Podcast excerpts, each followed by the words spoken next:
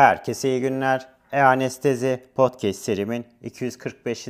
ile yine karşınızdayım. Bugün inhaler anesteziklerin biyotransformasyonuna devam ediyoruz. Hazırsanız haydi başlayalım.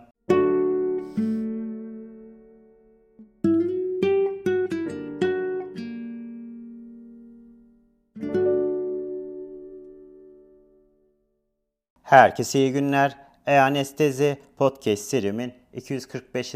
ile yine karşınızdayım. Bugün inhaler anesteziklerin biyotransformasyonuna devam ediyoruz. Bugün inhaler anesteziklerin biyotransformasyonunda böbreklerdeki fonksiyonuna bakacağız. Böbrekler yüksek kan akımı alan büyük organlardır.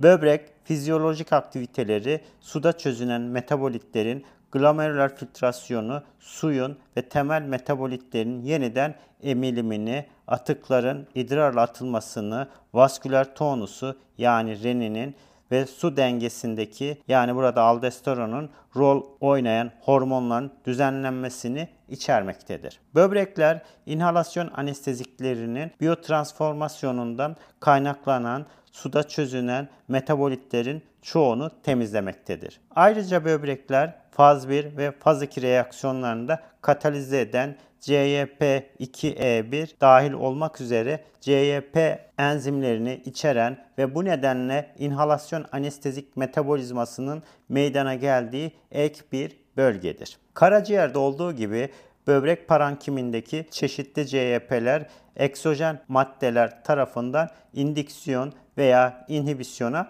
uğrayabilmektedir. Buradaki inhalasyon anesteziğinin kimyasal yapısındaki olan florürün nefrotoksitesine baktığımız zaman ise ilk modern halojen eter anestezik metoksifloran 1959'da piyasaya çıkmıştır. Metoksifloran poliürik böbrek yetmezliğine neden olmaktadır ve uzun süren klinik uygulamalarda artık kullanılmıyor. Metoksifloranın nefrotoksik etkisi metabolizması sırasındaki salınan inorganik florüre dayandırılmaktadır. Yapılan araştırmalarda florürlü inhaler anesteziklerin potansiyel nefrotoksik mekanizmaları hakkında önemli bilgiler sağlamıştır ve sonraki halojenli anestezik ajanların gelişimini etkilemektedir. Absorbe edilen metoksifloran inorganik florür iyonlarını kana salan stokrom katalizli oksidasyon dahil olmak üzere kapsamlı biyotransformasyonuna uğratmaktadır. Hayvan çalışmaları metoksifloran dozu ile böbrek hasarı arasında güçlü bir ilişki olduğunu ve CYP enzimlerinin indiksiyonu ile nefrotoksitenin arttığını ve metoksifloran metabolizmasının inhibisyonu ile nefrotoksitenin azaldığını gösteren metoksifloranın nefrotoksitesine dair net kanıtlar sunmaktadır. Klinik veriler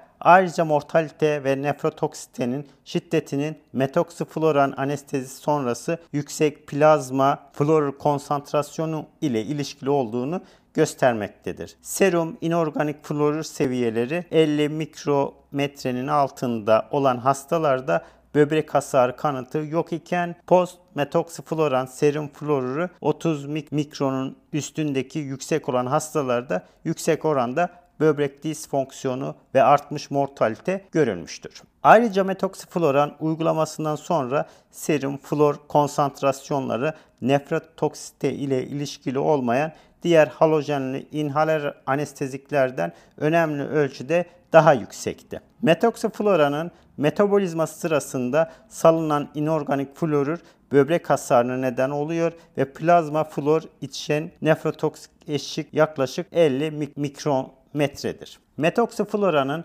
maruziyetinden sonra belirgin böbrek hasarı derecesinde hastalar arasında da bireysel değişkenlikler gözlemlenmiştir. Genetik heterojenite, ilaç etkileşimleri ve önceden var olan böbrek hastalığı olası farklılıkları açıklamaktadır. Metoksifloranın kullanımı sunulmasından bu yana tüm halojenli anestezik maddeler, defloranizasyon dereceleri ve ortaya çıkan serum flor konsantrasyonları açısından deneysel ve klinik olarak kapsamlı bir şekilde test edilmiştir. Bununla birlikte özellikle sevofloran olmak üzere yeni ilaçlarla ilgili deneyimler araştırmacıların klasik florür kaynaklı nefrotoksite hipotezini yeniden incelemelerine neden olmuştur. Sevofloran 1970'lerde sentezlenmesine rağmen nispeten yüksek deflorinizasyon oranı nedeniyle klinik uygulamaya geçmesi gecikmiştir. Sonraki klinik çalışmalarda sevofloran uygulamasından sonra 50 mikrometreden yüksek kan flor konsantrasyonlarında bile klinik olarak anlamlı nefrotoksite gösterilememiştir. 2 ila 3 mak saat sevofloran anestezisinden sonra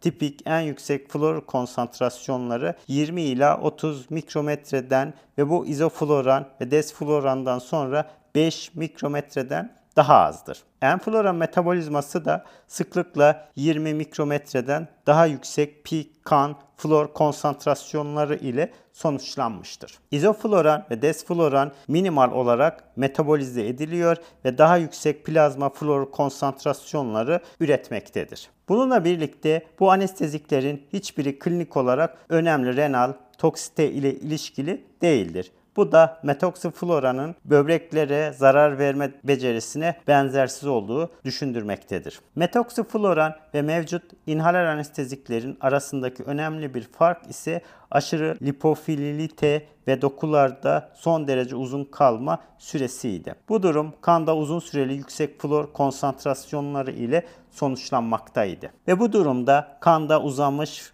flor maruziyetinin önemli bir risk faktörü olduğunu düşündürmüştür. Bununla birlikte birkaç günlük izofloran anestezi sırasında istenmeyen böbrek etkileri olmaksızın uzun süreli orta dereceli plazma florür yükselmeleri gösterilmiştir. Bu nedenle yüksek plazma florür konsantrasyonunun ne pik seviyesi ne de süresi halojenli anesteziklerin nefrotoksik etkilerini tamamen açıklamıyor. Ayrıca inorganik flora maruz kalma süresiyle artan bütünleşmiş konsantrasyonun temel risk faktörünü temsil edip etmediği de açık değildir. Bununla birlikte metoksifloran büyük ölçüde böbrek parankimi içinde metabolize oluyor ve böbrek hasarına neden olduğu ileri sürülen yüksek intrarenal inorganik flor konsantrasyonları üretmektedir. Ve buradaki metoksifloran ile karşılaştırıldığında daha yeni volatil halojen ajanlarla renal toksitenin olmaması